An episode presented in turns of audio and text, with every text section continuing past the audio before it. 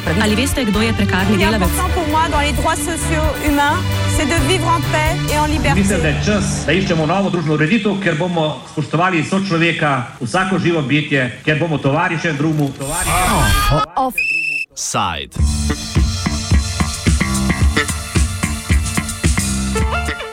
Polovični ukrepi proti polovičnim zaposlitvam.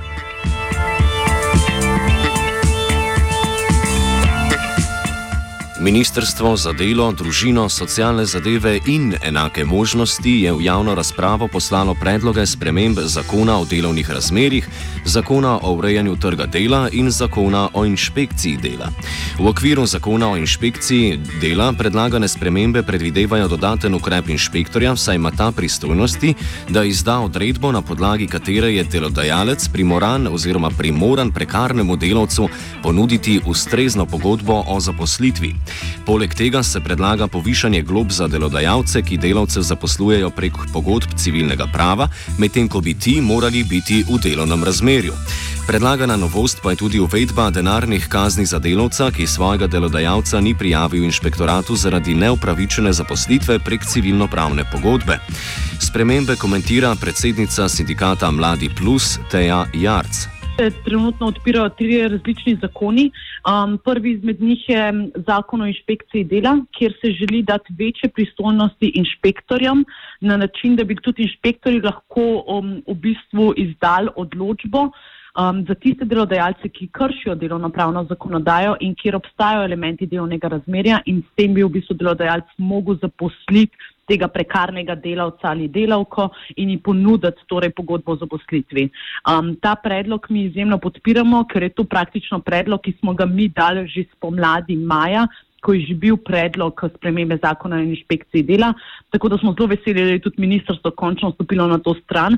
Sicer se sprašujemo, zakaj smo mogli čakati pol leta, ampak konec koncev gre za nek zelo pomemben korak, ki bo seveda preprečeval seveda na eni strani kršene zakonodaje in seveda potem tudi s tem uh, preprečeval te neke prekarne oblike, ki se razraščajo.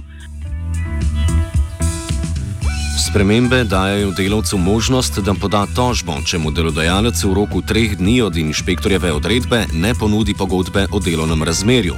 V sindikatu menijo, da to ni učinkovita rešitev. Delavec seveda ima pravno varstvo, vsak lahko seveda poišče to pravno varstvo na sodišču. Um, posebej, ja, torej v primeru, da bi bile ugotovljene kršitve delovno-pravne zakonodaje, bi torej delodajalec mogel v roku treh dneh ponuditi pogodbo o zaposlitvi. Če delodajalec te pogodbe o zaposlitvi ne ponudi, lahko delovci išče to sodno varstvo oziroma pravno varstvo na sodišču. Um, po našem mnenju bi moral biti ta postopek morda še bolj olajšan. Uh, ravno zato, ker pač ja, delavci velikrat se ne poslužujejo tega um, zaradi svojega neznanja, zaradi svojih mogoče finančnih nezmožnosti, zato ker so te do, postopki dolgotrajni.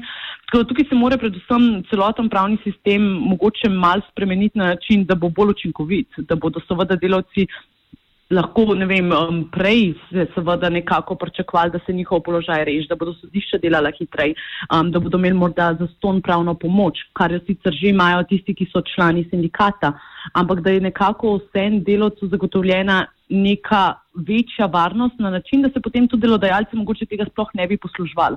Da bi bila to tudi neka grožnja delodajalcem, ker bi seveda vedel, da bo delavec, kolikor bi šel iskati sodno varstvo, uspešen in to v hitrem času. Um, ker pa je ta celoten sistem morda malo pomankljiv, um, delodajalcev niti ne skrbi, um, ko kršijo delovno pravno zakonodajo, to so vzeli kot nek svoj poslovni model, um, tako da mislim, da se ne počutijo ravno ogrožene strani delovno pravnih sodišč. Predlog uvaja tudi spremembe zakona o delovnih razmerjih, kjer je predvidena redefinicija odpovedi zaradi nesposobnosti. Ta v predlogu uvaja tudi ravnanje ali sposobnost delavca, zaradi katere ne izpolnjuje obveznosti iz delovnega razmerja. Prav tako ob sporazumni prekinitvi delovnega razmerja uvaja možnost denarnega nadomestila za obdobje šestih mesecev. Za ti spremembi v sindikatu Mladi Plus zahtevajo pojasnilo ministrstva pa potem seveda v vseh zakonih še nekaj drugih določb, um, za katere pa upamo, da se bodo tudi čim prej pojasnila. Dotikajo se namreč um, redefiniranega um, razloga odpovedi zaradi nesposobnosti.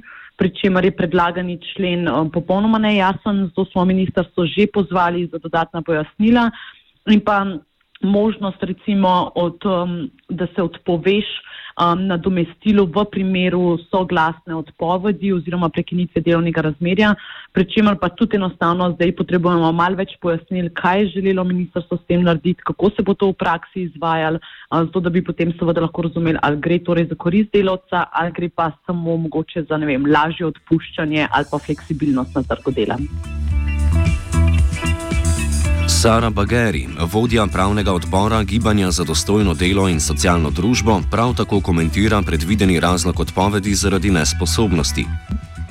Razlog sicer ni nov, je pa nekoliko preoblikovan, um, kar je sicer po razlagi ministrstva glede na eh, sodno prakso, uh, po drugi strani pa zgolj pomeni neko razširjanje enega razloga, potem ko je razlog nezaupanja, ki so ga prej želeli uvesti, nekako pade v vodo, ker se vsekakor javnost ni mogla strinjati z njim. Um, se pravi, tudi ta razlog, ki, ki v bistvu se širi z to spremembo zakonodaje, um, ni, ni utemeljen in bo zgolj v slabo delavcev. Tudi Bagari postavlja pod vprašaj podpisovanje sporazumnih odpovedi ker v praksi trenutno to tako izgleda, da delodajalci take sporazumne odpovedi pogodbe o zaposlitvi de delavcu ponudijo ali na tak način, da delavec pravzaprav ne razume, kaj podpisuje, uh, ali so se že dogajali primeri z imigranskimi delavci, da so jim ponudili prazen list papirja, ki ga je delavec podpisal in so potem naknadno na ta prazen list natisnili to sporazumno odpoved. Se pravi, še vedno ostaja možnost zlorabe tega instituta v praksi. V sindikatu Mladi Plus ostajajo kritični do določenih tem, ki jih ministrstvo v predlogu sprememb ni dovolj obravnavalo. Eno od teh je volontersko pripravništvo. Potem pa se seveda odpira tudi zakon o delovnih razmerjih, tam podpiramo predvsem črtanje možnosti, s čimer se, določ, um, se še vedno omogoča volonterska pripravništva. Um, smo pa seveda izjemno presenečeni, da se ne želi izbrisati volonterskih pripravništv tudi o zakonu o delovnih razmerjih. Um, tam se namreč še vedno dopuščajo in smo tudi ministrstvo pozvali, da torej spremeni tudi 124. člen zakona o delovnih razmerjih in da se seveda ta člen izbriše in se nadomesti z določbo, da so volonterska pripravništva v Sloveniji prepovedana. Um, ministrstvo za delo sicer sklepamo, da temu ni najbolj naklonjeno, zato seveda pričakujemo, da bomo dobili neka pojasnila od njih, zakaj torej še vedno dovoljujemo volonterska pripravništva, če po vseh teh letih um, in po vseh teh sklepih, ki jih je vlada sprejela, se nekako ne moramo zajediti, da je to totalno izkoriščanje mladih in zato tudi pričakujemo, da se bo to tudi zakonsko uredilo. Bagari povdarja, da spremembe zakonodaje same po sebi ne prinesejo izboljšanja položaja delavcev ker podobne določbe, kot jih ima naprimer zakon inšpekcije dela, imamo že pri urejanju uh, dela na črno, s tem, da tudi tam se, ti, se te določbe, ki sicer obstajajo, se nekako v praksi ne zaživijo, se ne upoštevajo. Spremembe še niso dokončne. Kako pa bodo v sindikatu delovali med javno razpravo v prihodnjem mesecu, za današnji offside komentira Jarc. Um, na sindikatu Mladi Plus bomo predvsem spremljali tudi pogajanja, ki se bodo zgodila med um, sindikati in delodajalci.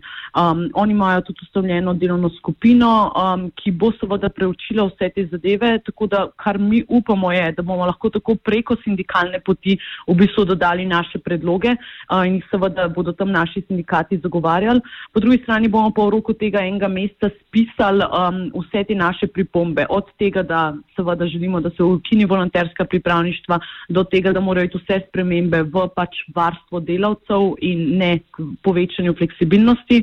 Ampak kot rečeno, mislim, da trenutni predlogi zakona niti še niso neke končne verzije, ker so zelo nerazumljivi in da mora tukaj ministrstvo do konca upraviti svojo domačo nalogo.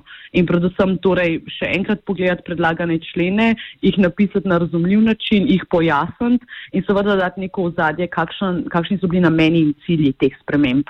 Um, mislim, da sama, um, sam predlog spreminjanja teh zakonov je bilo vse enkrat presenečenje, tudi za sindikate, ki sodelujemo v teh razpravah, um, tako da tukaj mora ministrstvo narediti mal več, preden se sploh lahko pač pogovarjamo, katere spremembe so za nas sprejemljive in katere ne. Offside sta pripravili vajenki Rina in Neja.